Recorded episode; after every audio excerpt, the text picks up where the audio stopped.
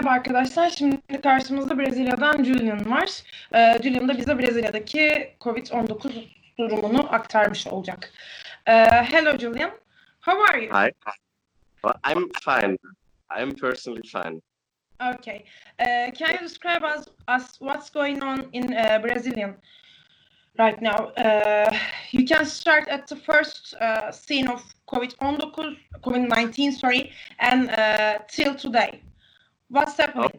Uh, what was the government policy? Uh, what people are thinking right now? Are they in panic in your country? Can you describe Okay. us? So, well, I, I'm here doing uh, what is called a memorial service. So, I'm working in an institution for the Austrian government. And Uh-huh. literally, until one week ago, I, I didn't even have uh, any uh, any slight possibility of having to go home or, or that chance conceptualized. I I would not not have thought that this would turn out this way.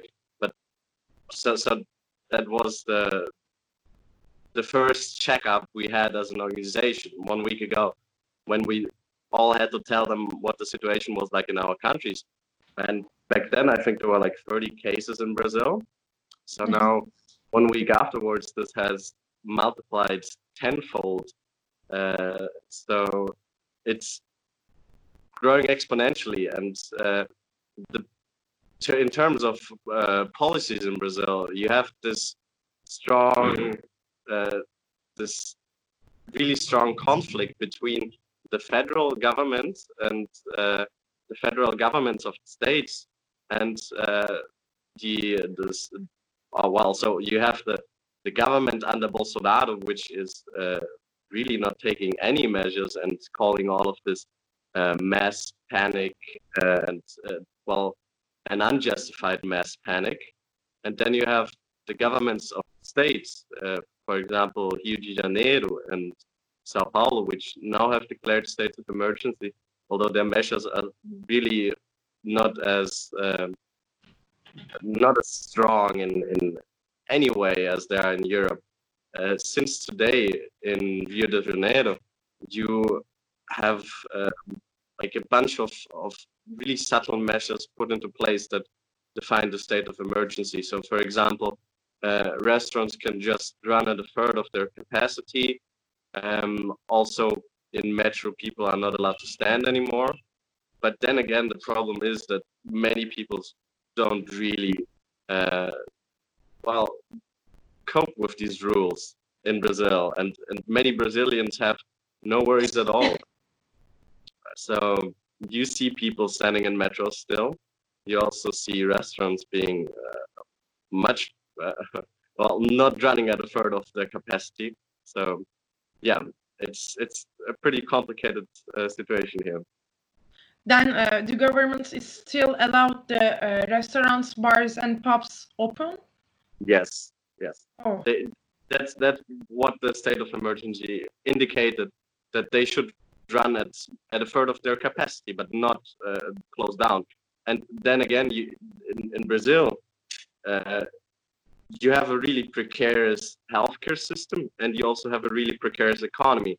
So if you force these pubs and restaurants to close down, oh man, that that could get really nasty because they couldn't probably uh, well aff- afford to to reopen, and then the government couldn't afford to supply them with sufficient funds to be able to do that. okay. Uh, what about workers? In many countries, workers want uh, paid leave, but as you describe us, the Brazil is going something different in the other countries about uh, not like the other countries actually.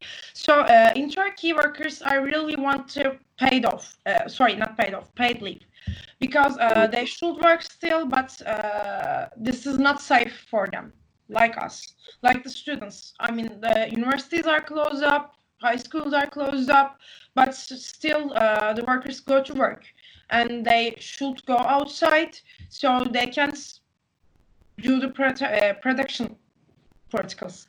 So, uh, what about Brazil? are they are the governments will give the paid leave or not? What about unions say, or what about workers say? Well, the thing is that obviously all all workers want paid leave, and uh, yes, just yesterday I was in the store uh, uh, with this guy who has his own clothing brand, and so I talked with him about well how this is affecting him, and then he was like, I don't want to be in the shop right now. I want to be at home, but I can't because I won't get any money, and if I if I don't get any money, I, I won't be able to to rent this space anymore. So I'll have to close down.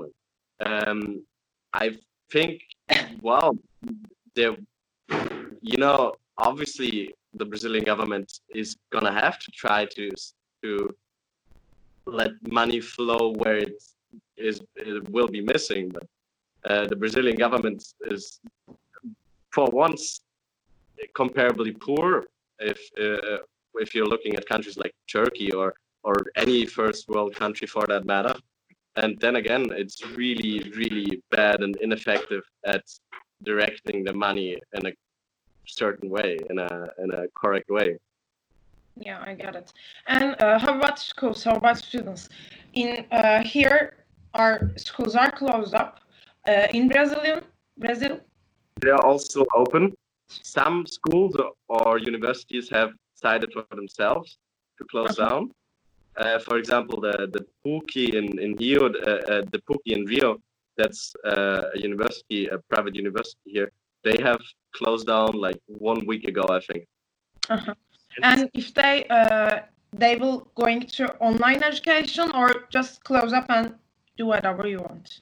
Particular university, yes, and I, I think most universities in Brazil are capable of transferring to online education. Okay, okay, perfect. Um, so uh, I will ask you one more thing too. In Brazil, is the uh, hospital capacity and bed capacity and uh, medical workers capacity is enough for that? Because no, uh, no. okay. Uh, so it's, it's you? like at the moment or or before the coronavirus, um, the healthcare system in Brazil, even in its normal state, is already at its limit. You already have beds in corridors. You already have people not getting rooms, and you already ha don't have uh, sufficient funds for all kinds of medical supplies. You don't have sufficient medical personnel. Uh, it's already not working, and with such a such a, crisis, it will probably collapse. Uh, that's like for me that's the principal reason why I decided to end my stay here. I've been here for seven months, and I initially uh, was plans to or like I uh, was appointed to be here for ten months, but now I'm actually leaving the country and going back to Austria in two days. Okay, thank you. And uh, do you have any suggestion to us? Do this or not to do this? what will you going to say to Turkey? Um, to do what particularly? Yeah. Uh, uh, do you say that? I mean, uh, we learned the coronavirus in Turkey 11 March, so it's about yeah. a week ago. Uh, it's really new actually. We know the other countries uh, what they did what are doing right now but uh, this is really new thing for all of us for all the country. And people are confused actually. Are we should stay home or no? Go outside? Are we still will be still working or not? Is there anything that's really bad uh, we are really confused and we are actually really get panicked. In streets, you can see people that uh, masks and gloves everywhere. Uh, they all about talk about coronavirus. This is the only topics all over the country right now. So, do you want to say anything to us? Well, stay the fuck home. it's really that. Uh, I, you know, there is too much panic and too much negativity and everything that is uh, coming to people right now.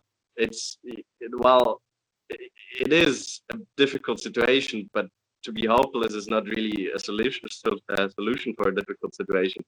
But then again, people should really, really care about the people around them because you know I, I personally I, I really don't feel at risk I, I don't think in I, I think the death uh, the, the mortality rate um, of people who are 20 years old is something like one to thousand. And I don't think in a thousand people of my age I'll be the one with the weakest immune system or uh, well yeah anyway uh, people who are, who are older that that like mortality rate grows really really rapidly uh, people over 75 have a have a mortality rate of i think like 15 to 100 so uh, yeah and and then i see these people in and i think there were like two or three coronavirus parties in france and germany. And then, then you had like young people meet, uh, meeting up um, organizing events through social media and then meeting up and partying. That's so stupid. Like if you infect anyone else in your family who's at risk then i don't think anyone would want to live with with that. So yeah stay the fuck home. That's that's uh, a good message i think